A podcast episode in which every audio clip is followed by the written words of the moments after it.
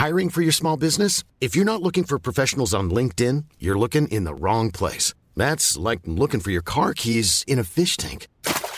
LinkedIn helps you hire professionals you can't find anywhere else, even those who aren't actively searching for a new job but might be open to the perfect role. In a given month, over 70% of LinkedIn users don't even visit other leading job sites. So start looking in the right place. With LinkedIn, you can hire professionals like a professional. Post your free job on linkedin.com slash people today. One size fits all seems like a good idea for clothes until you try them on. Same goes for healthcare. That's why United Healthcare offers flexible, budget-friendly coverage for medical, vision, dental, and more. Learn more at uh1.com. Burrow is a furniture company known for timeless design and thoughtful construction and free shipping, and that extends to their outdoor collection. Their outdoor furniture is built to withstand the elements, featuring rust-proof stainless steel hardware, weather-ready teak, and quick-dry foam cushions. For Memorial Day, get 15% off your Burrow purchase at burrow.com slash ACAST and up to 25% off outdoor. That's up to 25% off outdoor furniture at burrow.com slash ACAST. Macradion presenteras av DJ Fabbe. djfabbe.se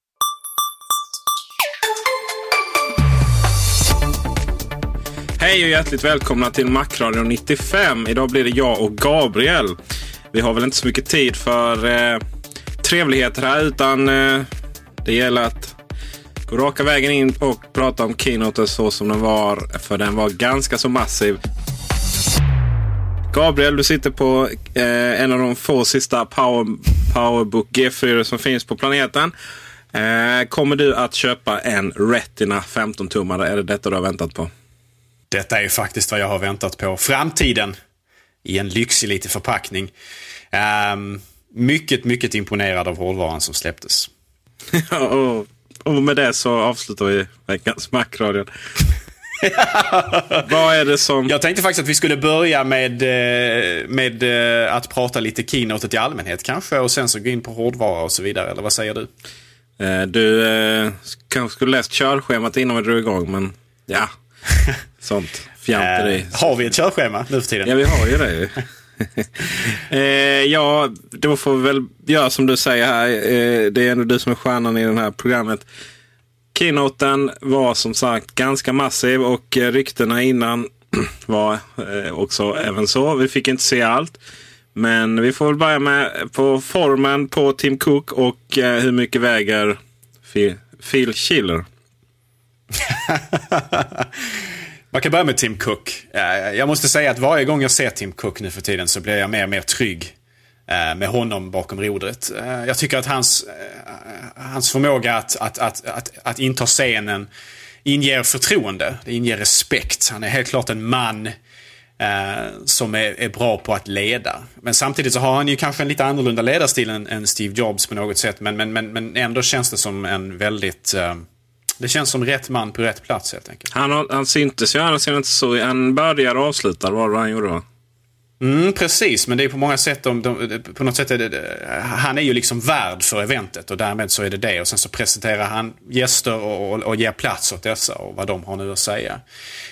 Um, rätt intressant att se, vi har ju haft ett antal keynotes nu med, med um, Tim Cook och han, han skiljer sig lite grann. Om vi, om, vi liksom, om vi tittar på kläderna exempelvis. Så följer han ju lite grann den inslagna vägen som Steve Jobs gjorde. Han klär sig ju ganska informellt. Eh, vilket ju är eh, kanske eh, någonting man gör i, i Cupertino i allmänhet och i, i tekniksektorn också. Eh, men det är ganska intressant att se att han följer lite grann eh, lite grann färgschemana som Steve Jobs lade. Eh, blå jeans, eh, om än lite mörkare i hans form. Och någonting svart på, på, på, som, som ovandel helt enkelt. Eh, måste säga att jag är mer bekväm med eh, Tim Cooks sätt att, att klä sig än Steve Jobs. Eh, jag föredrar oändligt mycket en svart skjorta eh, framför en svart polotröja som ju var mer Steve Jobs signum. Eh, men på något sätt ändå så kan man säga att han följer hans spår rent liksom stilmässigt, klädstilmässigt på scenen åtminstone. Första gången vi såg Tim Cook så hade han ju trots allt nedstoppad skjorta och telefonen en Motorola i Ericsson-stil. Det vill säga hängande i, i bältet. Så det har ju verkligen blivit bättre på den fronten.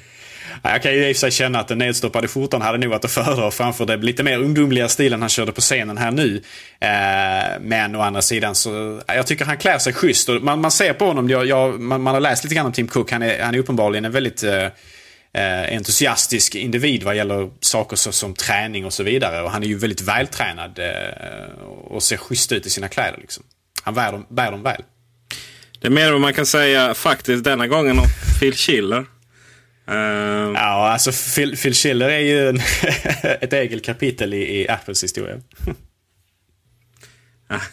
ja, i, i fall tänkte jag på hur han, hur han presenterade. Han fick ju äran att uh, det var ju han och det var uh, Steve Forstall och så han italienaren. Craig Federighi. Lite dåligt.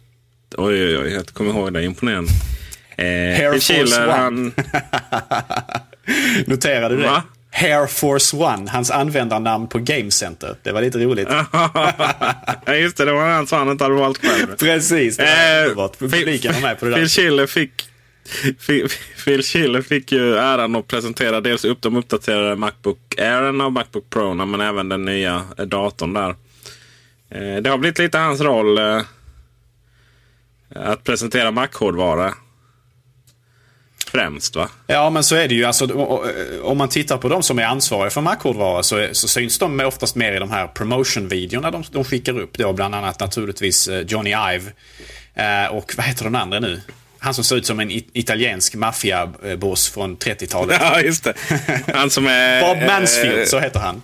Bob, Bob chef över...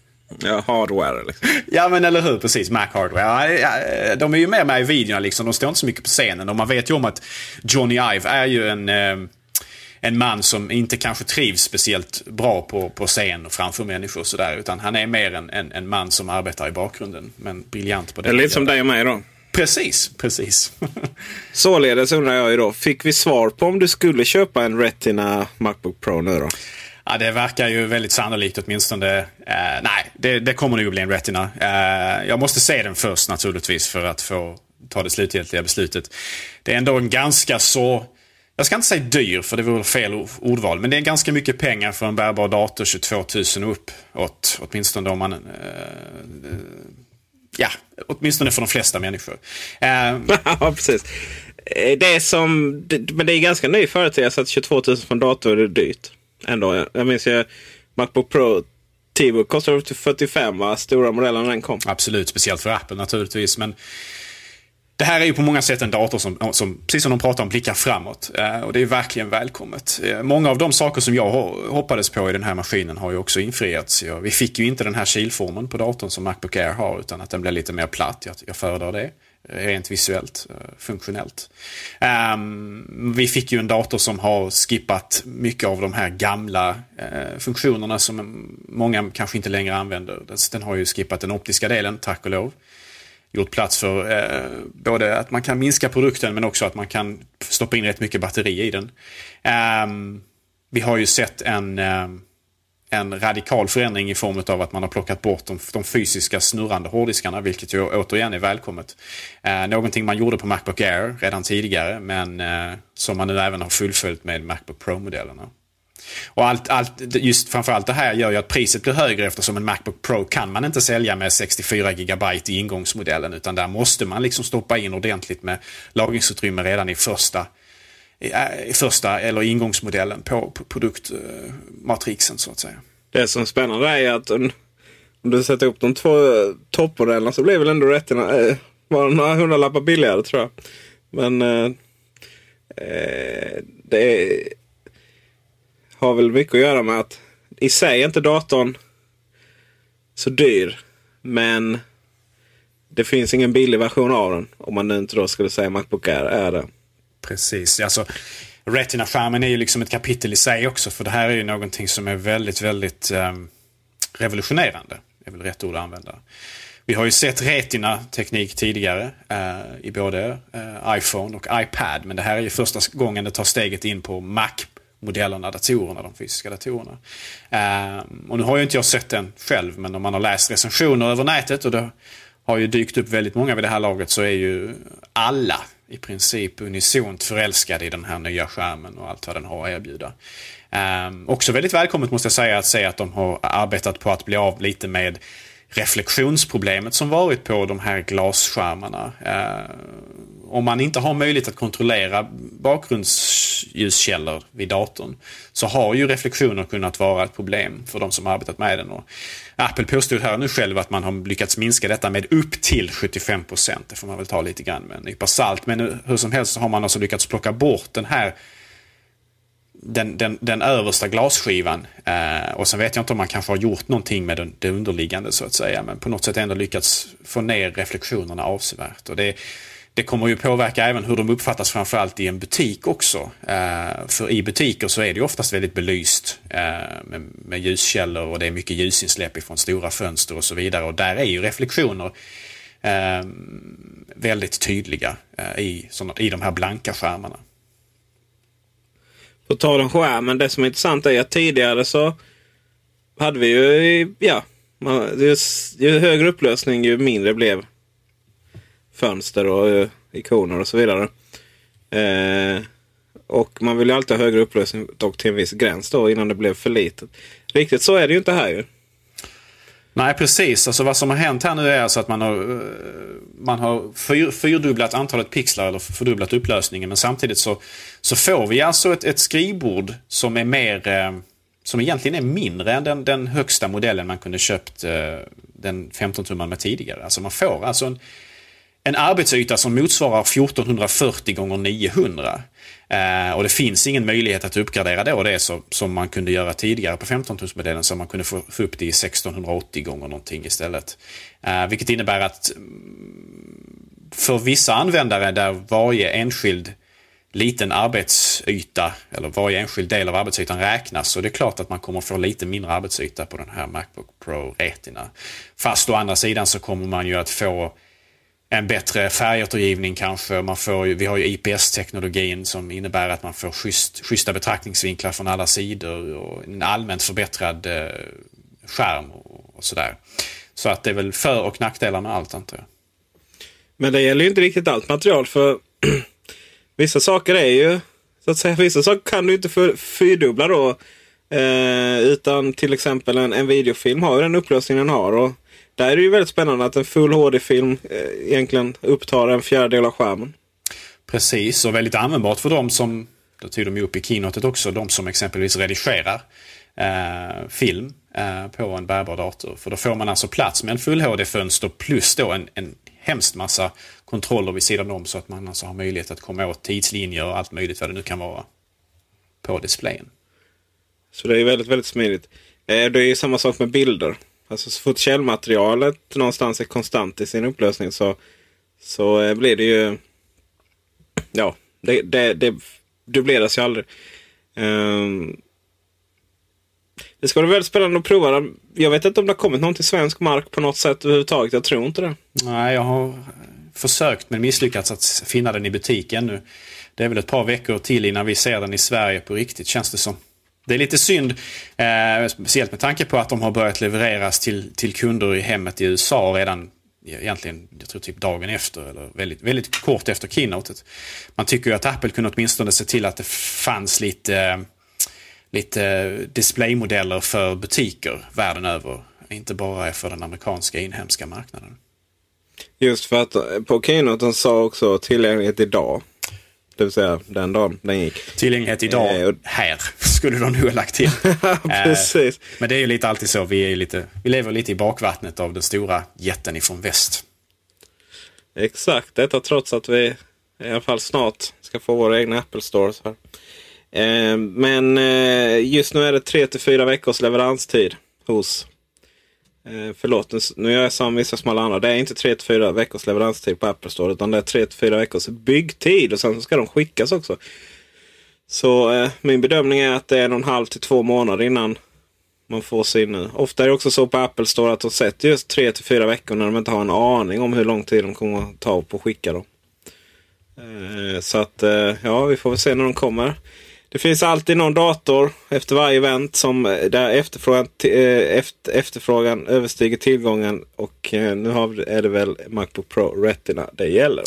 Det är ganska intressant att de plockar bort den här Kensington-låsporten på datorn också. Det här är ju ändå väldigt dyra datorer och är det meningen att de ska användas i miljöer där exempelvis kanske på bibliotek eller vad det nu kan vara för någonting så är det ju faktiskt en, en, en omission som är väldigt olycklig måste jag säga. Det gör man ju på Macbook Air också. Finns det på Macbook Pro 13 tum förresten? Tror jag. Det tror jag. Macbook Air vet jag att den inte finns på men eh, på Macbook Pro, den nya, borde det funnits plats till den om inget annat. Men det är uppenbarligen någonting som inte tillräckligt många kunder efterfrågar för att det ska vara lönt att sätta in den. Uh, men det, det, känns ju som, en, som, en, som någonting som är lite olyckligt faktiskt. För åtminstone vissa, vissa delar av uh, användarskaran. Allt för konsten. Och sen så fick vi en ny MagSafe också.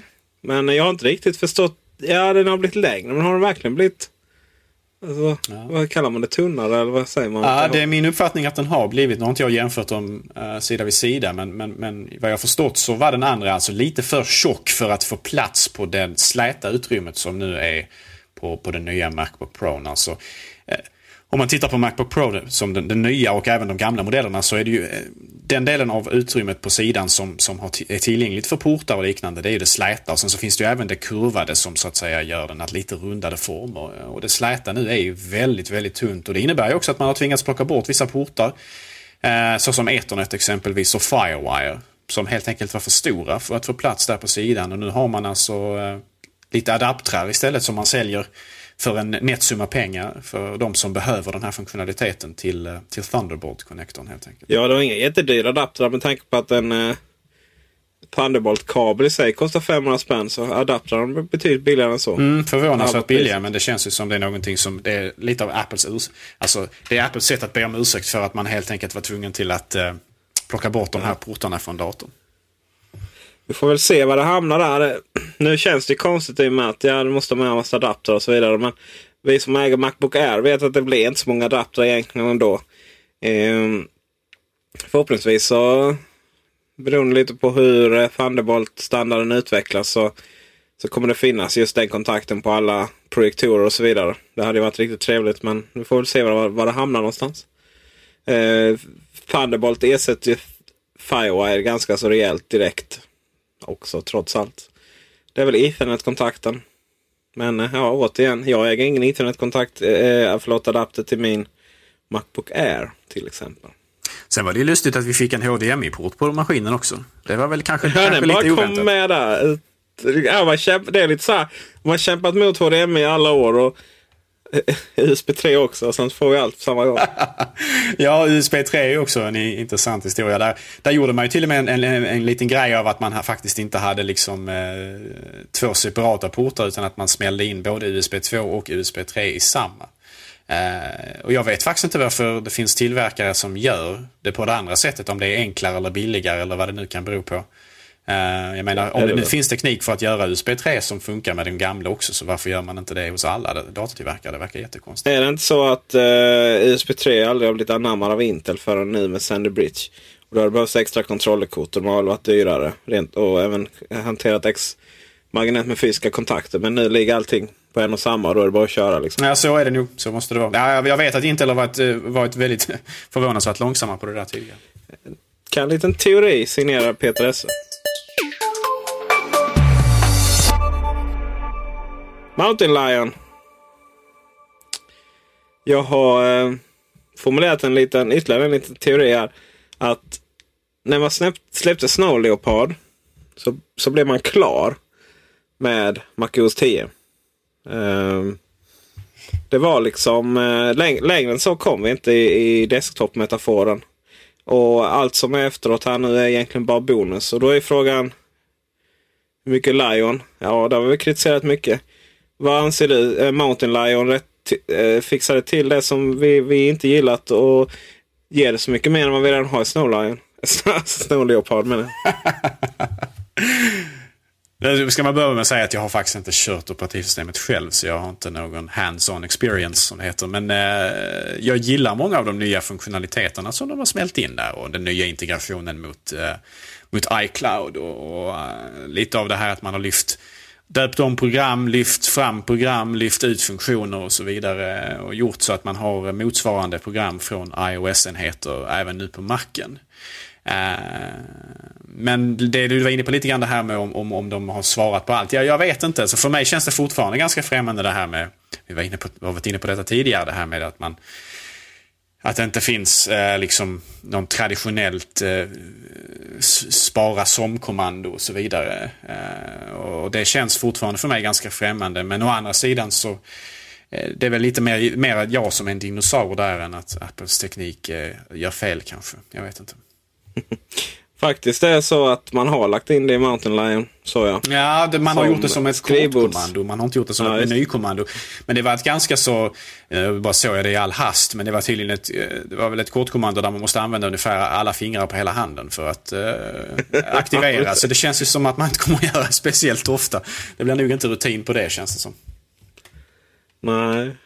Och det, det, jag har så en konflikt med det där. Jag vet liksom just det här att man duplicerar. Så det är precis så jag jobbar, i, det är precis så jag jobbar idag i Google Docs. Men just när man kommer till skrivbordsvärlden där så ja, det tål att vänja sig. Sen har vi ju det här med att det är liksom lite förvirrande med saker som är låsta och sånt där. Mm, precis. Men, men. Jag känner väl att det, det, det är väldigt mycket nya appar och sådär. Väldigt appfokuserat då. Eh, funktionsmässigt. Eh, förutom eh, notifikationscenter. Då. Så eh, det är väl det som är lite framtiden där av MacOS 10. Att det, det blir mycket appar.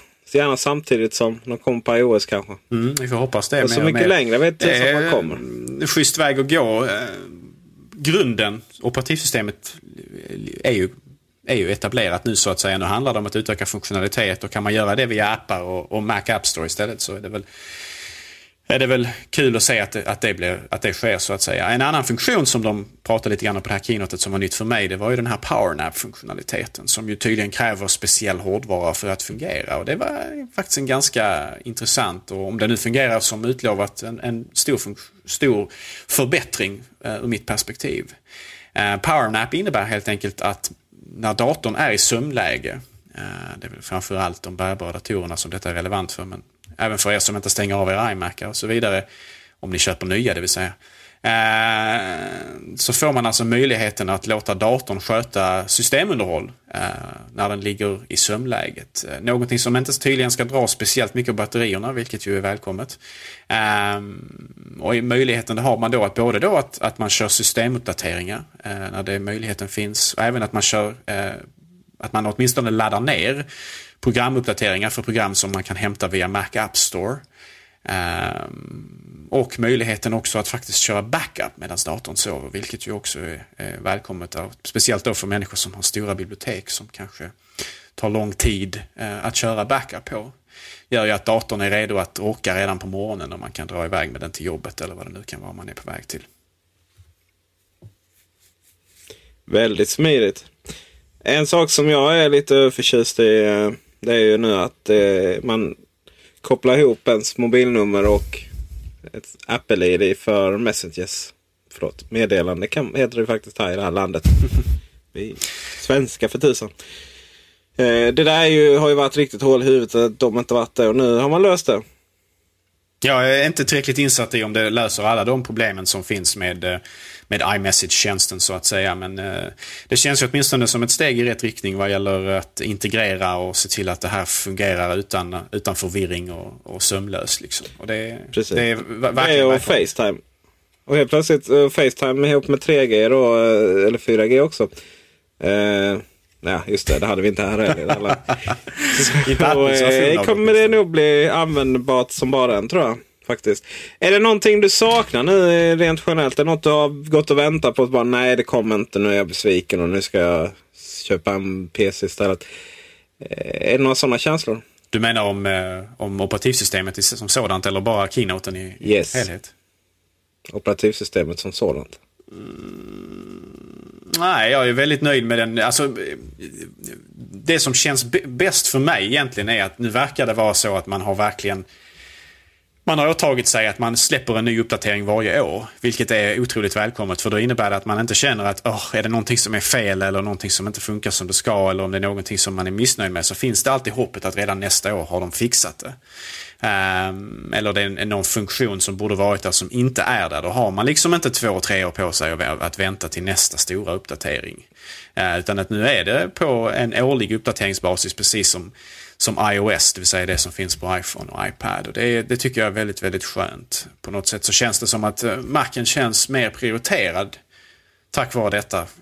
Hellre än att den ligger liksom lite så här eh, i bakgrunden och inte är lika intressant längre. Sen kommer ju naturligtvis inte uppdateringarna vara lika stora då, men det är å andra sidan, det har ju sina för och nackdelar naturligtvis det också. Fördelarna är ju såklart att, att um, då finns det kanske mindre risk med att installera uppdateringar eftersom man inte kör sådana här revolutionerande eller eh, en uppdatering som förändrar allt eller åtminstone förändrar väldigt mycket utan det blir mer iterativt och därmed också kanske lite tryggare för en som användare. En sak som jag saknar, fast det är en funktion. Det är mer, eh, jag skulle vilja som tog bort för min eh, mentala hälsas skull. Kanske. Eh, det är hemmappen faktiskt. Hemkatalogen. Eller rätt sagt det, det som ligger kvar. Jag menar webbsidor, filmer, musik, ja, dokument är väl logiskt. Det här delat, bilder. Det börjar kännas som att det, det enda vi använder den, det är ju dokument eventuellt. Men inte ens där längre om vi använder Pages och eller som jag gör Google Docs. Alltså de där mapparna är ju ganska så... Det tillhör en, en tid och det var jättetrevligt att vi kunde sätta igång en webbserver själva och sådär. Men just nu så... Om man verkligen vill göra det enhetligt med iOS så, så, så skulle är, är, är ju de bilder nås ju via iPhoto, musik via iTunes dokument via Pages och Keynote och Numbers. Webbsidor, ja.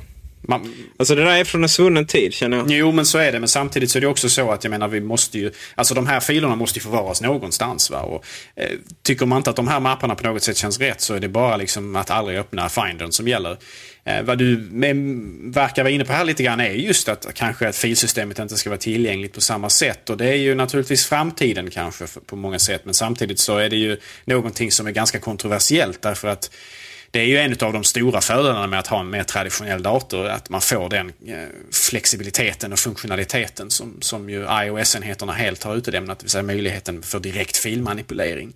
Eh, och det är nog någonting som jag tror ligger en bit in i framtiden. Alltså att Apple mer och mer ehm, plockar bort möjligheten för användarna att komma åt filerna rent fysiskt. Sådär. Eh, jag menar, förr man måste ju ändå spara bilder någonstans, man måste ändå spara musik någonstans, man måste ändå spara dokument någonstans på datorn. Eh, och då kan det ju lika så ligga i de mapparna som, som finns så att säga. Ja. Jag är med att jag gillar ordning och reda och hatar det finns liksom mappar som inte används. Ja, det, inte så mycket visst är det så. Men alltså, det, det, sig, men liksom det, de... Där finns ju många tredjepartsprogram som installerar mappar överallt som är extremt irriterande. Adobe Photoshop, jag tittar på dig liksom. Uh, och uh, andra Adobe-produkter också. Jag vet inte hur det är nu för tiden, men det var så tidigare åtminstone att de låg mappar lite varstans på datorn. Mycket irriterande. Det finns ju... Ja, jag hatar ju det här med att om jag går in i min dokumentmapp nu. Då har jag Bioware. Hittar jag där. Ingenting. ITV Archive iChats, ja, kanske eventuellt det är okej. Okay. Microsoft User Data, det är ju också helt stört. Men vad som är än, ännu värre är att det finns Final Cut Express Documents. Det vill säga Apple själv eh, följer sina egna regler om var skiten ska ligga. Ja, det där är, det är helt rätt. Eh, Tredjepartstillverkare lever verkligen inte upp till den här enkelheten som vi eftersträvar och ibland även gör inte Apple det. Eh, väldigt olyckligt sådant. Eh, men, men på något sätt, jag menar, det, jag brukar alltid bara radera sånt där. De, eh, I den mån program nu lägger in sånt där. För som du säger, många gånger så är det tomma mappar eller o, o, oanvändbara mappar så att säga. Mm. Jag tror snarare man, ja, det jag efterfrågar i MacOS 10 och även i iOS. iOS för min egen skull, MacOS 10 för ja, klart min egen skull också, men, men även eh, för vanliga användare. Det är egentligen att det fanns en stor mapp. Alltså ett ställe där man lagrar filer. Alltså ett ställe där man lagrar sina egna filer och sen får man organisera hur man vill. Som såklart givetvis är synkroniserade av alla enheter. Det hade varit väldigt smidigt. Och sen liksom att det, det är den här filhanteringen på riktigt. Det är helt okej. Okay. Det saknas i iOS eh, för, för vår egen skull. Och det är eh, fortfarande så att eh, Macen har gömt väldigt mycket mappar och kataloger och så vidare. Och i, sen eh, Lion ännu fler, till exempel biblioteket sånt här för mig. Det är inte helt lätt att komma in i ens eh, enheter. Eh, det är faktiskt borttaget att man ska komma eh, se sina eh, hårddisk och så i, i filen från början. Men det är fortfarande de här genvägarna till, eh, till olika saker. Eh, nej, en, en stor bara ställe. Här lägger du alla filer. Och det är dessutom synkroniserat överallt. Och det är ju Dropbox man vill ha. Fast, fast Dropbox ligger också där långt in någonstans. Mm. Ja. Enkelhet och, och smidighet, det är vad jag efterfrågar. Så att man slipper se de här iMovie-händelser och iMovie-projekt och gud vad. Det vill jag se i iMovie istället. Och sen, sen är det roligt, sen, jag då samma människa, Peter Esse, är typ helt förbannad på att Launchpad är helt värdelöst. Det finns en viss, eh, vad kallar man det, motsättning i mina tankar där kan jag säga. De har gjort lite grann i det här nya operativsystemet för att förbättra Launchpad, möjlighet att söka på program och så vidare. Men, eh, men, men principen är ju densamma som varit tidigare. Det ser ut att fungera. Fortfarande så att jag ser typ, så här, jag, går in och final, jag, har, jag går in i Launchpad så har jag FileMaker Pro 10 annat. Och så har jag någonting som heter Registration och så har jag DDFMS. Jo, jag fattar ingenting. Alltså den skapar fortfarande... Den speglar fortfarande mappstrukturen i program alltså. Det är stört. Mycket stört. Men annars så är det en trevlig uppdatering helt enkelt. Mycket. Ja, vi kan prata lite grann om de andra datorerna också. Det hände inte så mycket där. De fick ju också den här nya eh, laddporten. Eh, som eh, är lite tunnare helt enkelt. Och det är ju intressant också för då, det innebär det alltså att man har ett, ett brott här så att säga. Eh, vad gäller eh, hur, vilka laddare man kan använda. Och då finns det alltså en liten, liten plugg som man får köpa. Jag tror den kostade 10 dollar den kostade. Jag vet inte, det blev någon hundralapp i Sverige kanske. Eh, för att konvertera emellan den gamla och den nya laddaren. Inte en speciellt elegant lösning men eh, men eh, Eh, eh, någon slags kompromiss där helt enkelt för att man var tvungen till att skapa en ny teknik. Jag, jag måste säga att jag, rent, alltså rent estetiskt nu här, om vi, om vi liksom släpper all, all, all Det är ändå det viktiga. Ja, ja, men alltså vi släpper alla, alla praktiska funderingar och så bara tittar rent estetiskt. Så föredrar jag den designen som man nu har återvänt till på själva MagSafe-connectorn. Att den sticker ut lite grann från datorn. Jag, jag, har, jag, har, jag har gått fram och tillbaka på det här lite grann. Ett tag tyckte jag att det var rätt bra med den andra för att då, då, då, då på något sätt så gömde man undan sladden lite grann från datorn. Men den mest eleganta lösningen är väl egentligen att den, att den står rakt ut så att säga. Det, jag vet inte, det känns mer det känns mer rätt på något sätt. Och man har ju uppenbarligen återvänt till den här designen nu i och med denna datorn. Uh, och det anledningen till att man avvek ifrån den från början vad jag har förstått är ju att det har väl varit lite grann uh, att, den, att den här som, som nu sticker rakt ut eh, uh, perpendikulärt från datorkroppen så att säga hade väl lite problem med att sladden blev sliten. Att, det, att, det, att, det, att vissa användare hade problem med att man fick byta ut den helt enkelt för att den var inte för, inte förstärkt tillräckligt eller något i den stilen.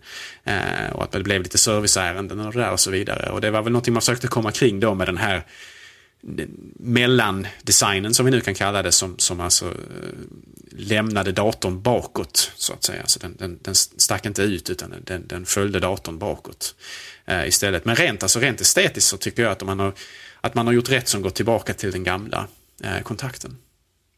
Eh, principen bakom den gamla kontakten ska sägas. Alltså inte, inte... Eh, men annars är det, man kan inte förvänta sig mer uppdateringen där. Äntligen så är det 4 gig minne på, på, även på minstingen av Macbook Air. Mm. 15 tummarna av Macbook Pro. Ja, de är vrålsnabba. Det är inte så mycket mer. Men det var lite spännande. Vad hände med Macbook Pro 17 tum?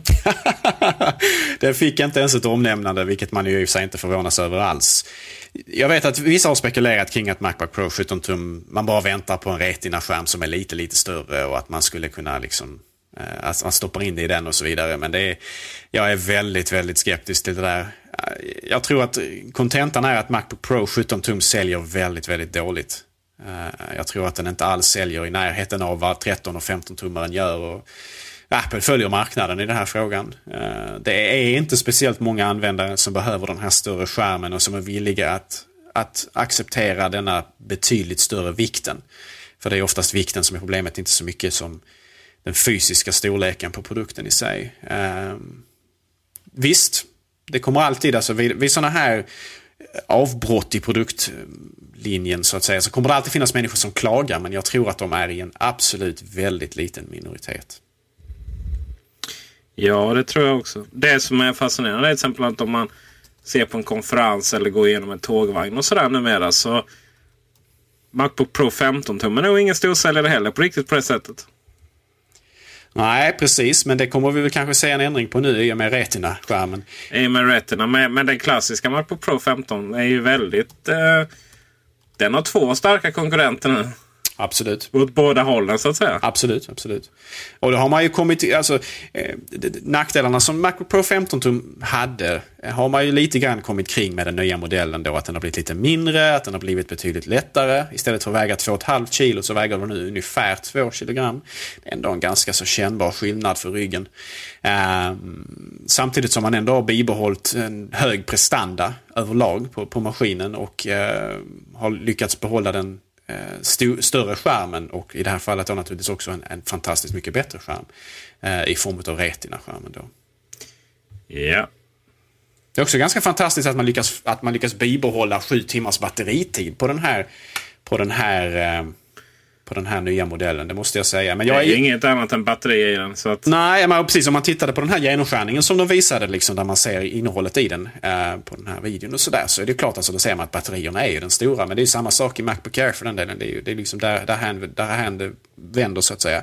Däremot så är jag lite, jag är lite misstänksam där och jag kanske bara är paranoid. Det verkar ju sannolikt. Men, men alltså, för Apple säger att det är upp till sju timmars batteritid. Och jag vet inte om det bara är så här legalspråk för att liksom man måste liksom, man kan inte säga sju timmar garanterat. Och så där. Det är möjligt att det är så. Men, men Apple har ju varit de som har varit, stått på barrikaden nu under en längre tid över att man faktiskt man faktiskt har den utannonserade batteritiden eller mer. Vilket ju är ganska eh, ovanligt i industrin. Men många datortillverkare säger ju att de har fem timmars batteritid och sen levererar man tre under, under normalt arbetsförhållande så att säga. Medan Apple då sen ett år eller två tillbaka har ju varit väldigt noggrann med att, att faktiskt eh, vara eh, ärlig med hur mycket batteritid man faktiskt får. För om man tittar på de gamla datorerna så har det varit så att står det sju timmar så är det verkligen sju timmar under normal användning med wifi påslaget. Och jag hoppas att A lot can happen in three years, like a chatbot may be your new best friend. But what won't change? Needing health insurance. United Healthcare Tri Term Medical Plans, underwritten by Golden Rule Insurance Company, offer flexible, budget friendly coverage that lasts nearly three years in some states. Learn more at uh1.com. When you're ready to pop the question, the last thing you want to do is second guess the ring. At Bluenile.com, you can design a one of a kind ring with the ease and convenience of shopping online. Choose your diamond and setting. When you find the one, you'll get it delivered right to your door. Go to Bluenile.com and use promo code LISTEN to get $50 off your purchase of $500 or more. That's code LISTEN at Bluenile.com for $50 off your purchase. Bluenile.com code LISTEN. Burrow's furniture is built for the way you live. From ensuring easy assembly and disassembly to honoring highly requested new colors for their award-winning seating, they always have their customers in mind. Their modular seating is made out of durable materials to last and grow with you. And with Burrow, you always get fast, free shipping. Get up to 60% off during Burrow's Memorial Day sale at burrow.com slash ACAST. That's burrow.com slash ACAST. burrow.com slash ACAST. Many of us have those stubborn pounds that seem impossible to lose, no matter how good we eat or how hard we work out. My solution is PlushCare. PlushCare is a leading telehealth provider with doctors who are there for you day and night to partner with you in your weight loss journey. They can prescribe FDA-approved weight loss medications like Wagovi and Zepbound for those who qualify. Plus, they accept most insurance plans. To get started, visit plushcare.com slash weight loss. That's plushcare.com slash weight loss. Since 2013, Bombas has donated over 100 million socks, underwear, and T-shirts to those facing homelessness. If we counted those on air, this ad would last over 1,157 days. But if we counted the time it takes to make a donation possible, it would take just a few clicks. Because every time you make a purchase, Bombas donates an item to someone who needs it. Go to bombas.com slash ACAST and use code ACAST for 20% off your first purchase. That's bombas.com slash ACAST, code ACAST. det äh, även fortsätter i och med den här nya datorn. Men jag jag är lite paranoid kan vi väl kalla det till, till, till att, att den här formuleringen att upp till sju timmars batteritid. Är det verkligen sju timmar under normalt användande då eller har man, har man gått tillbaka lite grann i sin stringens vad gäller att vara ärlig gällande batteritiden? Jag, jag vet inte. Men du vet, ingen DVD-spelare, ingen hårddisk, inga fysiska delar som ska snurra runt och startas och så vidare. Uh... Däremot två fläktar. ja, jo. som de också gjorde en poäng av på keynoten, vilket ju är ganska intressant för att det kanske inte känns som något, något, något liksom Apple-aktigt att prata om fläktar. Det pratar de även om, det pratar de i den här videon framförallt. Eh, där, där eh, som vanligt så poängterar ju eh, Johnny Ive att datorn är minst lika vacker inifrån som, som utanpå, vilket ju han gör en rätt stor grej av. Och där pratar man om, om fläktarna att de är asymmetriska. Eh, och att meningen här då är att istället för att ha en, en helt symmetrisk fläkt som skapar en, en, en, en, en väldigt konkret och eh, ett ljud som är i, i, samma ljudspann och därmed så blir det liksom väldigt hörbart för ögonen. Så genom att skapa asymmetriska fläkt eh, fläktar så har man då möjlighet att skapa ett, ett ljud som sprider sig över hela spektrat. Nu, spektra fel ord att använda så alla ljudkillar där ute sitter och bara tycker jag är dum i huvudet. Men, men alltså sprider sig över hela ljudbilden eller vad man nu ska kalla det istället för att man har en påtagbar ton som ligger där. Det gjorde man en ganska stor grej av. Jag hoppas verkligen att det, att det innebär att Macbook Pro 15 tum med Retina, trots att den har två fläktar, är väldigt tyst. Eh, är väldigt tyst i drift så att säga. Ja, kontentan ska bli väldigt spännande att prova den. Och eh, därmed så går, lämnar vi datorns underbara värld och går in i iOS iOS 6 kallar Apple det. Jag kallar väl iOS 5.5 kanske om jag ska vara snäll. Men eh, börjar du gärna Gabriel. Ja, du har gått och blivit bitter på äldre dagar Peter. Jag gillar inte det här. ja, du måste motivera här nu. Vad är det som inte är iOS 6 över det hela? Eh, det är ju väldigt mycket finlir. Det är små funktioner, det är för små förbättringar. Eh, det är liksom ingen... Eh, det är inga stora paradigmskiften där kan jag säga i iOS. Nej, man har ju redan Visst... klipp och klistra. ja, men precis. Visserligen som Facebook är... Man säger ja, du har fått Facebook på iPhone. Nu hade vi inte det innan. Ja, vi hade en Facebook-app och så vidare. Det är en jättestor grej egentligen. Att, att det är integrerat på OS-nivå. För det är ju trots allt Facebook vi gör med våra iPhones. Eh, I alla fall i år och kanske nästa. Sådär. Eh, och eh, det är som jag menar integrerat. Ja, det är ju... Jag ser ju direkt vilka eh, appar som kompisarna gillar till exempel. Men ännu mer adressboken uppdateras i enlighet med vad, som, vad man har angivit på Facebook. Och eh, Händelser. Eh, ja, alltså, om Gabriel bjuder in till fest någon gång så ser man det direkt i, i kalendern. Det vill säga om han gör det via Facebook så kommer det automatiskt in i kalendern i, på, på telefonen. Och även födelsedagar och så vidare. Siro, Siro har blivit jättemycket utvecklat så där kan man ju, kan man ju såklart säga en hel del. Men det är, det är så jävla sjukt ointresserat för, en annan. Faktiskt. Eftersom Siri inte finns så. på svenska ännu, vilket ju är olyckligt. Men äh, inte helt Nu har italienarna fått det i alla fall. Och span, span, spanjorerna. Och det är väl klart något ska de ha för de har så dålig ekonomi. och att de är kanske ett lite större land med lite fler invånare. ja, framförallt spanska så är det ju väldigt intressant med tanke på den stora spanska befolkningen i USA. Då. Ja, och framförallt på den stora spanska spridningen av spansktalande i andra länder också. Jag menar, det spanska talas ju i Sydamerika och så vidare. Tack vare kolonisationen så har det ju fått en, en väldigt stor spridning utanför Spanien också. Så det är ju ett världsspråk på ett sätt som vårt inte är. Så det är inte så konstigt att de ligger före. Och även så märkte man ju nu på keynotet väldigt mycket att man eh, eh att, man, att man har fokus på Kina. Eh, integration av eh, kinesiska tjänster vad gäller eh, meddelande och så vidare och även då naturligtvis integration av kinesiska eh, språk, de olika dialekterna i, i Siri och så vidare. Så att det är ju helt klart en eh, uppenbarligen en intressant marknad för Apple nu för tiden. Kina finns uppenbarligen fler och fler människor som har råd att köpa Apples produkter där. Eh, både datorer eh, och iOS-enheter. Vilket ju är en fantastiskt stor marknad en gång i tiden. Om Apple spelar sina kort rätt där. Ja, det är integration med deras sociala nätverk och dessutom då Siri som du sa på eh, både...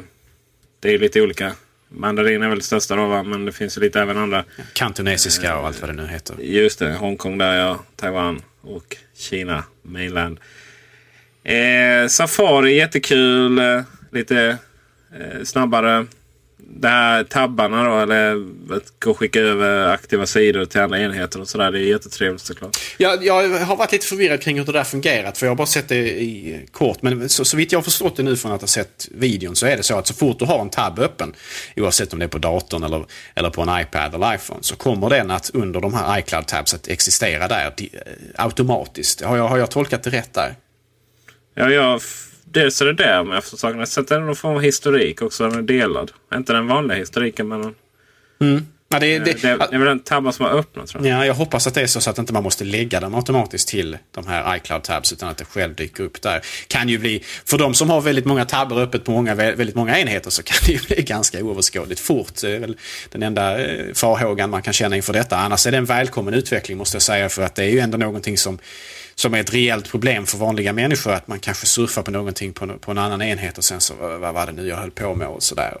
Men sen är det också frågan naturligtvis, eh, hur mycket minns den här eh, iCloud Tabs? Minns den bara själva webbsidan så är det ju kanske inte alltid eh, tillräckligt. Jag hade gärna velat att den minns var någonstans på sidan man hade liksom fokus från skärmen. Så att om jag exempelvis hade en sida med mycket text så skulle den kanske veta ungefär hur långt jag hade scrollat ner. Eh, även om jag startar den på en annan enhet så att säga. Var någonstans jag ungefärligt befinner mig på webbsidan. Mm, det kommer du inte få. Nej, det tror jag inte heller. Vilket är lite synd för att jag hade nog... Det hade jag gärna haft. Jag läser jag väldigt mycket så här, hur, liksom, hur bra kommer, hur bra kommer det fungera i praktiken och sådär. För att jag vet till exempel om man lägger någonting till reading list så kan det ta flera minuter innan det synkas. Man vågar inte stänga locket och så. Här, man ska, och så, så att, ja, det där måste funka väldigt bra. Om det ska fungera. Eh, share photostream. Eh, du kan dela bilder till en annan. Photostream börjar ju bli lite mer än bara ett en, eh, en typ minneskort i, i, på nätet. Så det börjar bli lite så här. Du kan dela och du kan kommentera och så vidare.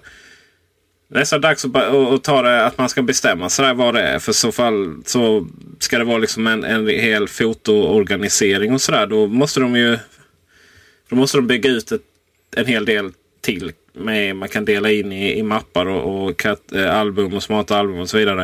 Eh, där man når allt ifrån så som vi vill ha det. Så som vi diskuterade i ett avsnitt för, för några veckor sedan. Eh, så lite mellanläge där också kan jag känna. Ja, framförallt så måste man väl utöka så att man kan lägga upp alla bilder man har tagit någonsin. Där. Det hade väl varit ja, det är, det, precis, ja, det nu är det ju, finns det ju begränsningar på det till höger och till vänster vad gäller hur länge bilder är där och vilka, hur mycket bilder man får plats med och så vidare. Som ju gör att den tjänsten inte känns fulländad ännu om vi säger så. Eh, jag hade hellre betalt pengar, eh, jag kanske undantaget där, men jag hade hellre betalt pengar för den tjänsten om jag samtidigt då kunde ha det som en backup och att det faktiskt var liksom alla mina bilder. Att jag hade tillräckligt mycket band, både bandbredd och eh, lagringsutrymme på en server för att, för att få lägga upp saker där helt enkelt. Det är, jag känner, känner Mountain Lion iOS. Jag känner mycket så här att man får smak på hur det, skulle kunna, hur det skulle kunna vara. Men vi är inte riktigt där ännu för det ligger massvis begränsningar överallt. Dels artificiella och dels praktiska. Eh, bredbandsbegränsningar men också liksom funktioner som kunde finnas. Just med det här med att man vill ta vilken dator som helst, logga in med sitt Apple-ID. Och så har jag den informationen som är dator och iPad och iPhone. Och så, och så, här. så har man den informationen som, som jag har, har, på alla enheter. Att det går att ta vilken som helst. Det, det, det, man börjar känna det inom, eh, inom, och inom eh, det är inte bara visioner så, men vi är långt ifrån där ännu tyvärr. Det är därför jag känner att den inte är full uppdatering. Eh, Passbook. Kan ju bli hur bra som helst. Kan ju utvecklas till vad Apples eh, betalfunktion och sådär. Just nu så är det nog någonting som man kan, kan använda i USA ibland. Men annars så är det väl inte så mycket. Mm, ja, lite så känns det. Uh, här återigen så är man tillbaka till den punkten där man är beroende av tredje part för att få det att fungera i realiteten. Uh, tanken är god. Jag hoppas att utförandet också är det och jag hoppas att tredjepartsstödet kommer att växa fort eh, även i våra eh, i vårt land så att säga. Men det är precis som du säger, just nu så har man bara en visst antal tjänster och det, det kräver på något sätt ändå att tredjepartsprogram integrerar det här och får möjligheten till det. Men, men alltså programmet som sådant och, och löftet som det så att säga medför sig är ju väldigt, väldigt bra. Ja. Det, känns, det känns väldigt positivt. Så är det ju. Och i, I praktik skulle det vara så att eh, beställa en biobiljett på SF och sen så, så har jag den i telefonen. Eh, och egentligen bara, behöver inte ens ha kontrollanter, bara blippa upp den typ någonstans. Och likadant med att beställa en biljett på SJ. Så här, det här med att man ska skriva in e-postadress och, och få den där. Och så hinna skriva ut eller du ska hinna hämta ut dem och så vidare. Det är ju egentligen ganska analogt. Så att, teorin kan det bli hur bra som helst, men än så länge så, ja. Det är ganska intressant det här med att man använder det här med, med liksom GPS-funktionaliteten och så vidare också för att utveckla de här tjänsterna. Och återigen, jag vet inte hur mycket jobb det krävs från tredje part för att få det att fungera bra, men, men de pratar på keynotet om att exempelvis om du har en biobiljett så, så när du väl går in i biosalongen så ska liksom det här programmet veta om att ah, nu är Peter på väg in i bion och så skickar man fram på liksom hemskärmen eh, eller på låsskärmen då eh, möjligheten att direkt komma åt biljetten. Eh, och den här sortens geo-funktionalitet, om vi kan kalla det det, har ju Apple tryckt mer och mer på nu. Exempelvis det här vi pratar, eller vi har inte varit inne på det, men här, de här förbättringarna som har funnits på eh, själva telefonfunktionaliteten, det vill säga möjlighet att, att skicka ett sms som svar, ett standard, standardiserat sms som svar, men även då, och det här är ännu viktigare, att man exempelvis kan be um, om man har missat ett inkommande samtal eller inte kan svara så kan man alltså be telefonen att skicka ett, en påminnelse till dig när man exempelvis lämnar rummet man befinner sig i eller när man lämnar arbetet eller när man kommer hem. Så att, så att telefonen är medveten om vad som är hem och vad som är arbete och, och liksom som kan, kan, så att man inte behöver liksom lägga in själv i kalendern att påminn mig om mm, påminn mig vid den här tiden, den här dagen, utan att den sköter det på något sätt själv. Det är ju det är en intressant utveckling men jag vet inte, fungerar det i praktiken så är det extremt bra och extremt trevlig funktionalitet. Men det är frågan hur mycket man behöver ha stöd återigen från tredjepartstillverkare för att den exempelvis ska vara medveten om eh, vilken bios, bio eh, om, jag, om jag beställer exempelvis en biljett till SF och, och där finns två biosalonger i staden. Om jag passerar en av dem får jag fram biljetten trots att jag kanske är på väg till den andra. Eh, det måste ju liksom åter, man måste ju gå in där och så, se så att programmet vet vilken salong i vilken, i vilken, eh, i vilken biolokal eh, det gäller och sådana saker. Ja, att företag vet vad jag befinner mig i, relation till dem är både väldigt trevligt och ganska så skrämmande. Ska man ju lägga till.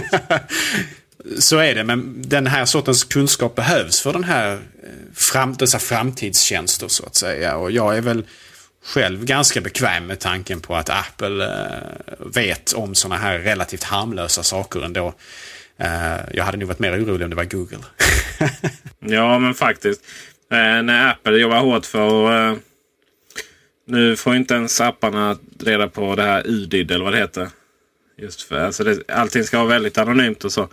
Och Det är ju trevligt. Det är ju raka motsatsen till vad Google hittar på. En liten grej innan vi går över till Maps här. Jag känner att vi måste liksom vara mm. positiva också. Eh, single app mode. Eh, för oss som är småbarnsföräldrar så, så betyder det väldigt mycket kan jag säga i praktiken. Jag vet inte hur många gånger Leon har lekt och sen kommer han åt ring, telefonappen och så råkar han eh, ringa upp någon så här klockan fem på morgonen. Eh, det ska sägas till oss som eh, använder våra iPhones och iPads som barnpassare. Så eh, jag var väldigt stolt över att vi aldrig använde tvn som eh, satte honom framför tvn eh, för att vi skulle hinna göra någonting.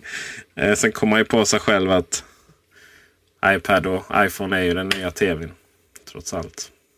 Så bra! Vi vill bara kunna köra upp eh, inslag i SVT Play också. Maps. Allt eftersom eh, eh, ryktet gick om att Apple skulle släppa ner en kartapp så, så lite skräckblandad förtjusning där. Eh, det var ju rätt klart efter man hade köpt upp det här C3 Technologies från faktiskt svenska Saab. Var ju stor ägare i det. Eh, att Apple, ibland är det så att de gör något väldigt bra. Eh, även i praktiken. Men sen i teorin så, så finns det någon annan som gör det så mycket bättre. Just för att det är fokusområde och så vidare. Även Apple har inte alltid fokus på, på, på allt. så. Och Maps känner jag att det kan vara en sån här, eller kartor, just det. Jag skulle berika det svenska språket här. Kartor. Det kan vara en sån grej som, ja det är jättesnyggt nu i början och så vidare. Och, och så, men Google är ju så jädra bra på den tjänsten. Om jag har, om, om, om jag kan, om det är någon som fattar vad jag menar. Gör du det Gabriel? Ja, jo absolut. Alltså, men, men jag tror att eh, alltså, kartfunktionaliteten är så pass eh, central för iPhone. Att jag känner ingen oro att det här kommer bli nästa ping. Eh, grejen som någonting som man, man startar halvhjärtat och sen inte gör någonting väldigt bra med. Utan, eh, jag tror kartor kommer Apple att arbeta väldigt, väldigt, väldigt hårt med att göra bättre än, än, än Google. Och även fast man naturligtvis ligger efter på vissa sätt eftersom man startat så betydligt mycket senare och sådär så har man resurserna om man skulle vilja det att faktiskt kunna göra, skapa en konkurrenskraftig och på många sätt bättre tjänst än det Google erbjuder. Det är väl framförallt den här eh, gatuvyn som inte, som inte Apples, eh, Apples egen tjänst erbjuder. Det vill säga det här med att man har kört runt med bilar från Googles sida och filmat hur ser det ut på Tranemansgatan i Helsingborg och så vidare. Utan man har mer än, eh, Apple har mycket mer fokus då på att, att, att ha gjort eh, man har ju, åtminstone i den här första utgåvan som har börjat då med, med kartor. Som man tänker sig en karta om man hade haft i en bok. Eh, och sen då till viss del även då utvecklat det här med 3D-funktionaliteten. Vilket ju också återigen, jag måste säga, det verkar ganska intressant. Eh, och kan man bara få in stöd för fler städer än de stora eh, på, i fler länder än de stora så hade det kunnat vara en, faktiskt en väldigt schysst eh, funktion. Och användbar för all del också. Sen det här flyover-läget som de även pratar om. Det känns väl eh, mer som en, en schysst grej att dema än, det, än att det är intressant egentligen att, eh, att använda sig av kanske. Jag vet inte. Ja, min eh, kollega på Alto Mac gick ju ut och blev riktigt sådär. Eh, han var nog rätt frustrerad när han skrev det. Just att han provat de olika kartorna är väldigt lågupplösta. Alltså de här fotorealistiska historierna. Över Sverige och rest, egentligen ut, utanför USA. Frågan är om man kommer lösa det till release eller om det är egentligen en sån här Siri-grej. Ja, man, man satsar väldigt hårt på det men det är, det är USA det och, och några andra större marknader. Ja, alltså det, ja, ja det, det, visst det är så. Det finns ju många tjänster som teoretiskt sett Apple skulle kunna kanske licensiera den här datan av. Eh, det finns det ju kanske inte i Siris värld på samma sätt. Eh, det känns ju som någonting som Eh, det känns som någonting som man lättare skulle kunna kasta pengar på för att lösa fort än vad Siri är. För Siri är något mycket mer komplext och mycket mer svårt än vad kanske en kart, eh, kartfunktionalitet är. Jag ska inte förringa arbetet som kartteamet gör. Det är säkert svårt på sitt sätt. Va? Men dialekter skiljer sig betydligt mer åt än vad, än, än, än vad eh, så att säga kartdata eller vad man nu ska kalla det. Alltså, alltså jag, det. På något sätt känns det som att vill Apple bara satsa tillräckligt mycket pengar på det här så kan man säkert licensiera den här datan ifrån andra företag och, och, och, och relativt snabbt plugga igen de hål som finns uh, i, i den här funktionaliteten. Vi får hoppas du har rätt. Och då har du ju rätt ofta. det ska vi inte överdriva. Eh, vi, satt ju, vi spenderade ju ett helt program förra veckan med att prata om Apple TV som inte överhuvudtaget...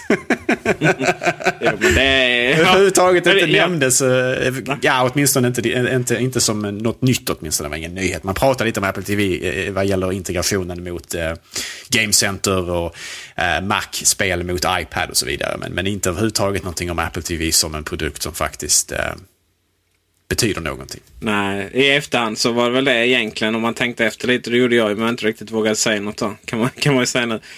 Det kändes som att det skulle vara väldigt mycket, väldigt långt om man skulle ha fått in Apple TV i det som vi ändå visste som skulle komma. Mm, ja, jag vet. Men det är många som gick i den här fällan. Jag menar, John Gruber pratar också om att det fanns många sådana här uh, många sådana här delar på själva VVDC som var eh, to be announced som det heter. Alltså att mm. Många sådana här eh, föreläsningar och så vidare som inte hade något riktigt eh, som, inte, som inte man kunde gå ut med tidigare och berätta vad det skulle handla om och sådär. Och att detta då skulle på något sätt kunna knytas samman med det faktumet att eh, Apple kanske hade en, en TV på gång eller en uppgradering för Apple TV. Eh, hårdvaran. Ja, jag är ganska övertygad om att vi får se något sånt. Eh, eh som att vi kommer få se något ganska roligt ut faktiskt. Eh, så vad är det vi saknar? Eller vad är det jag saknar för att det här skulle kännas som att wow. Nu, nu, nu är vi eld och lågor här och, och kärlek och, och allting. Eh, fina positiva superlativ och så. Jo, det är framförallt följande. Fleranvändarstöd på iPad. Det är ta mig tusan ett krav nu. Eh, man kan säga vad man vill men iPad är mer än en dator faktiskt. Fleranvändare. Väldigt få iPadar som är, bara används av en person. I skolor, på arbetsplatser, hemmet, barnen och så vidare. Logisk iTunes-integration. Vi har ju pratat om det också. Så datorn fungerar som hubb ibland, i halvt i vissa sammanhang, ibland inte. Förut så gjorde den alltid det. Och då var det ändå ganska logiskt. Så, ja men det är kopplat till en dator, det är så du för över grejer. Eh, och ibland gör den inte det. Till exempel om du kan sätta igång den, du kan fylla den med innehåll. Eh, och sen är plötsligt så behöver du fylla den med ett innehåll som kräver att du kopplar den till datorn. Och då kommer då hela iPaden tömmas. Om du inte gör rätt, att bara välja vissa saker. Så det är skitologiskt. Ingen fattar det. Till och med jag som har gjort massa empiriska tester är inte helt säker på vad som händer i alla sammanhang. Widgets, inte över hela hemskärmen utan eh, men i notifikationscenter. Det finns ingen anledning till att inte gå att integrera appar där. Eh, det vill säga den som alltid visar eh, väder och aktier. Va? Och sen så eh, appar måste få tillgång till inkommande samtal. Jag tänker då till exempel på appar som visar vem som ringer fast de inte finns i adressboken och så vidare. och så vidare. Och sen är det min gamla hemliga dröm där om att eh, det finns API till, eller ska finnas API till eh, eh, spelkontroller. Officiella Apple API. Vad saknade du då? Eller du är bara jätteglad? Jag är bara jätteglad mest. Nej, men du har gjort en fin lista där. Det är helt klart så. Jag menar, fleranvändarstöd för iPad känns väldigt naturligt. Eh, jag tror vi aldrig kommer få se fleranvändarstöd på iPhone dock. Så att, eh, där kan vi nog glömma det direkt. Alla ska äga varsin iPhone, det är väl Apples filosofi. De vill ju säkert att alla äger varsin iPad också, men i, i realiteten så kanske inte detta är, är, realistiskt för alla familjer och så vidare. Och det känns ju som den sortens enhet som faktiskt behöver den funktionaliteten. Um, så det hade varit mycket välkommet om man hade gjort någonting med det där. Jag tycker, eh, vi har inte pratat om Mac Pro. Nej, det har vi inte gjort. Jag är väl lite besviken. Ja, jag alltså. gjorde en Apple, det vill säga glömde bort Nej, men alltså det här, jag är besviken på dig Peter här nu alltså. För nu har vi fått en fantastisk uppdatering på Mac Pro här va, som gjort alla nöjda. Och då känns det som att då måste vi ju dedikera minst 15-20 minuter i Mac-radion till att, till att lovprisa alltså, denna. varför? varför just då? Kunde de inte liksom bara väntat lite eller tagit det innan eller någonting bara för att markera liksom? Eh, alltså, helt, helt fruktansvärt värdelöst. Eh, men det som är intressant där var ju att man faktiskt gick ut och sa från officiella håll att man kommer uppdatera Mac Pro med en helt ny modell och iMac 2013. Det är nog första gången man har gjort det. Vad jag har förstått så är det här ett mail som någon skickade till Tim Cook. Och Tim Cook svarade då i gammal eh, sann eh, Steve Jobs-anda eh, på det här mejlet faktiskt. Och sa att de har intressanta saker Eh, i produktlinjen framöver för stationära datorer. Eh, men det att det då får kanske vänta till nästa år. Eh, och då förmodar man väl kanske att de har ett ny, en ny formfaktor på gång, kanske eh, någon, någon, någon, ny vision av hur den, om hur den, pres, den, professionella användaren så att säga ska arbeta. Sen vet jag inte om det faktiskt gällde iMac, utan jag skulle bli väldigt förvånad om inte vi ser en iMac-uppdatering relativt snart, kanske inom ett par veckor eller sådär, eller en månad eller två. Sen om den kommer få retina-skärm eller inte, det låter jag osagt, det är jag mer tveksam till. Ehm, just för att iMac 27 med Retina hade varit extremt många pixlar. Jag tror inte det finns så många pixlar i hela universumet. Men, men, men på något sätt ändå så... Um, det finns ju ett, ett, en strimma av hopp här för de professionella användarna. Det är bara det att den nuvarande Mac Pro-uppdateringen som vi såg ju inte på något sätt alls gör någonting för att tysta någon av de kritiker utav Apples, uh, utav Apples hårdvara.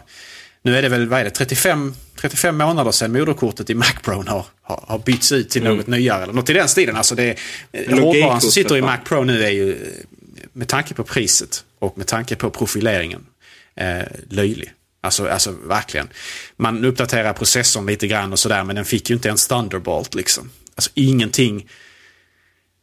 Ja, det var, eh, sett, ur en, sett ur en professionell användare synvinkel så är den här uppdateringen ett, ett, ett, ett rena hånet alltså. Men det finns ett hopp uppenbarligen. Alltså, Tim Cook har svarat här nu eh, att, att de arbetar på någonting nytt och bättre. Sen återstår det naturligtvis att se vad detta är. Men jag tror, jag tror iMac tror jag vi ser en uppdatering på relativt snart. Sen om det är en, en retina-uppdatering, det, det tror, tror jag kanske inte på. Eh, men åtminstone mer prestanda eh, i kanske ett nuvarande, alltså i, kanske i nuvarande format så att säga. Vi kanske även får behålla superdrive-enheten där ett tag till, vem vet? Nej. Nej, kanske inte. Som jag tolkar det så är det faktiskt så att jag hörde att det här att, att man hade sagt det redan på VVDC. Just att man kommer upp, uppdatera Mac Pro och iMac 2013. Alltså att man, man hade sagt det till journalister då. Eh, och det var innan eh, Tim Cook hade svarat på det här mejlet. Så det, visst, var det, visst var det koordinerat det där från Apple. Men eh, jag tror precis som det är att det kommer komma en uppdatering till iMac nu snart. Att den är bara klar. Det är bara att man inte klarar att uppdatera precis alla datorer samtidigt. För att det blir logis logistiskt mardröm där. Eh, så att vi tror det kommer en iMac med Sandy Bridge och feta grafikkort och sådär i dess nuvarande format. Eh, utseendemässigt och så. Men att det då kommer en helt ny modell 2013. Ja, det, det, ja, men där är vi nog med. Där är vi överens. Det är alltså en, en, en, en, en, en ny vision av iMac 2013 men en uppdatering på nuvarande iMac 2012 absolut. För att eh, iMac är ju redan nu gammal och, och liksom i behov av en, eh, i behov av kärlek helt enkelt. Det, det har ju varit eh, dags att uppdatera den egentligen i sex månader nu känns det som. Ja, visst har det varit så. Sen samtidigt är det ju, det, det har ju sagt att ni är utvecklingen. Jag satt och funderade på, förut så har man ju velat uppdatera mackarna ganska omgående. Sen har det kommit ny. Men jag är ganska nöjd med min iMac. Och det är ju den, eh, inte första 27 men den andra tror jag. Eh, som kom. Och sen eh, Mac, eh, Macbook Air, den 11 tumman där. Core 2 Duo utan upplösbart tangentbord. Den funkar. Eh, det finns ingenting där som gör att att jag vill behöva uppgradera den. Det finns liksom ingen pryljävel i mig där och det finns inget, inget praktiskt så eh, behov heller riktigt. Så eh, uppdateringsfrekvensen har ju verkligen... Den behöver inte vara så hög heller. Eh, för att i mångt och mycket har man även de minsta datorerna är tillräckligt snabba för att göra eh, typ hyfsat normala grejer. Eh, så att det, det, det är också en, ett bevis på att, att, att det släpps väldigt bra grejer. Men det är ju inte alltid så bra för försäljningen kanske. Nej, framförallt inte då om man vill sälja till, till nördar som, som du, du och jag. Eh, på något sätt så, om jag skulle köpt en iMac så hade jag ju absolut inte köpt en iMac det senaste halvåret. Eh, av den enkla anledningen att man har ju gått och väntat på en uppdatering och man vill ju på något sätt ändå inte köpa hårdvaran precis innan, innan det eventuellt landar en uppdatering. Så på något sätt så för åtminstone nördsegmentet så, har ju, eh, så är det ju verkligen dags att uppdatera om man vill få att de ska köpa ny hårdvara. Sen vanliga människor kanske inte riktigt tänker i de på det, på det sättet och inte alls eh, medveten om vad som kommer och inte kommer och när och så vidare. Men det, det, det är ju någonting som, som det behöver en uppdatering på, på iMac helt enkelt vid det här laget. Så är det. Frågan är om man... Det är lite spännande att fantisera om nya Mac Pro. Sådär. Den är gigantisk. Eh, Gigantisk. Mycket på, mycket på grund av PowerMac eh, G5 var det. Ja, precis. Den behöver ju inte med Thunderbolt... Eh, en, just det, det kommer inte en Thunderbolt på den här Mac Pro. Det var ju, det var ju ett hån om något. Ja, men, men, men i alla fall att, att eh, den behöver inte vara så stor. Alls faktiskt. Eh, så det ska bli väldigt spännande att se hur en ny Mac Pro är formmässigt faktiskt. Ja, alltså med Mac Pro så på något sätt så kan man ju inte överge helt möjligheten att, eh, att uppgradera hårdvaran inuti. För det är ju hela poängen med den här saken. Så att man kan ju inte liksom göra den hur liten som helst heller. Eh, Mac Pro ska ju ha, eller måste ju ha stöd för att man byter grafikkort.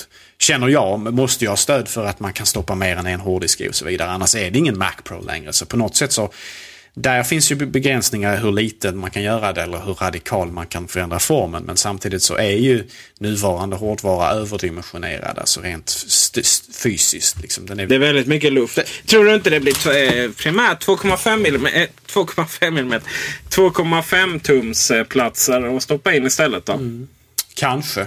Kanske. Alltså det, för det, det, är också, det är också frågan liksom här, hur, hur mycket ska den här användas som exempelvis eh, servrar och så vidare. Finns det, finns det hårddiskar i 2,5 tum som är eh, mer lämpade för den sortens konstanta användande och så vidare. Jag är inte alls tillräckligt insatt för att veta. Många inom PC-världen eh, servrar kör väldigt mycket nu med 2,5 tum. Okej, okay. Nej men då så. Då kanske det finns, då kanske det finns hopp där åtminstone. Eh, men det är ju någonting som, där har ju Apple någonting att göra.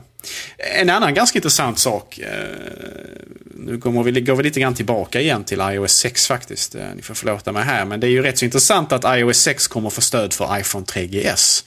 En, en, eh, en telefon idag som är väldigt gammal vid det här laget. Men som Apple fortfarande säljer. Och det är väl egentligen därför som iOS 6 kommer att att pressas in på den här så att säga. Med reservation för naturligtvis att iOS 6 inte kommer ge stöd för alla de funktioner för den här gamla hårdvaran. Men vissa av dem åtminstone. Man kommer kunna köra operativsystemet. Jag är inte ens iPhone 4 ju.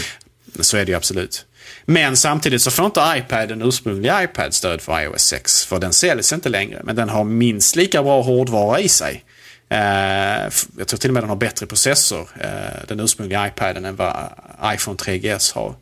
Så där ser man ju eh, det känns ju lite grann som en artificiell begränsning från Apples sida där att man helt enkelt inte vill släppa det nya operativsystemet för hårdvara man inte längre säljer. Medan man då med, med, med, med liksom ett skodon försöker klämma in iOS 6 i iPhone 3GS eh, hårdvaran. Eh, vilket jag kommer att vara väldigt skeptisk till att uppdatera min telefon till ja, det operativsystemet måste jag erkänna. För eh, historien förskräcker lite där. Historien vad gäller exempelvis eh, iOS 4 på iPhone 3G. Som ju i princip gjorde telefonen för väldigt många oanvändbar.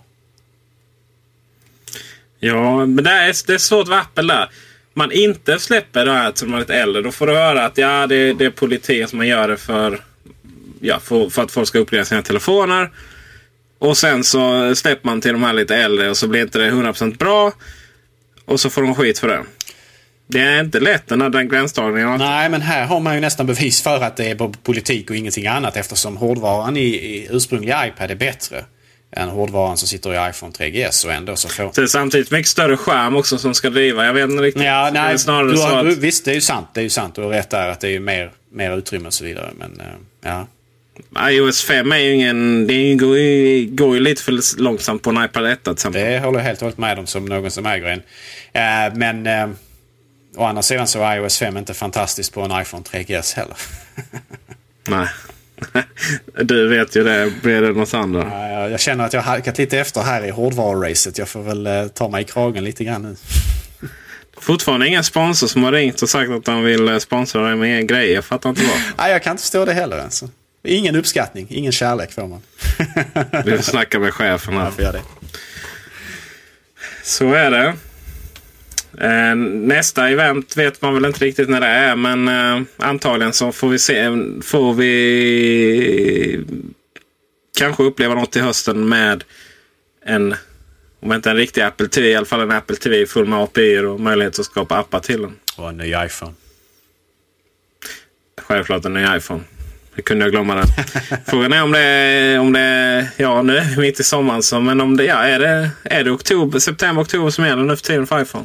Kanske, det är väl svårt att säga. Det har ju varit ett år, ett år för det mesta förutom nu, nuvarande modell, nuvarande flaggskepp som ju lät vänta på sig lite längre. Eh, av någon anledning. Eh, och det är möjligt att det blir ett år från den släppts till nästa. Det vill säga att vi ser det som du var inne på i hösten snarare kanske än sensommaren. Eh, men eh, hur som helst så är det spännande. Det finns ju mycket rykten här nu om 4-tumsskärmar och allt möjligt och huruvida de lyckas klämma in 4G och allt det här. Men det är väl kanske ett, ett annat avsnitt av Macradion att diskutera detta. Jag skulle, jag skulle vilja snarare uppmana alla operatörer att klämma in 4G där jag bor. För inte tusan kan jag få ett vettigt ADSL. Kan jag i alla fall få det.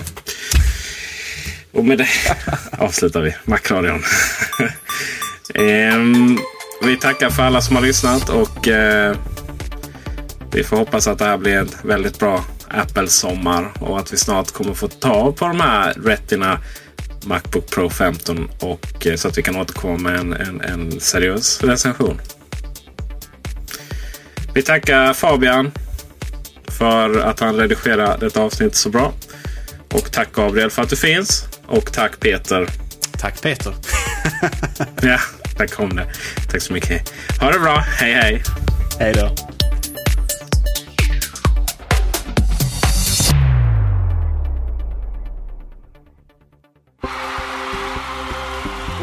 Tjenare! DJ Fabbe här. Behöver du en DJ till ditt event, till ditt bröllop eller liknande? Då är det mig du ska kontakta. Kolla in min hemsida på www.djfabbe.se. Vi hörs!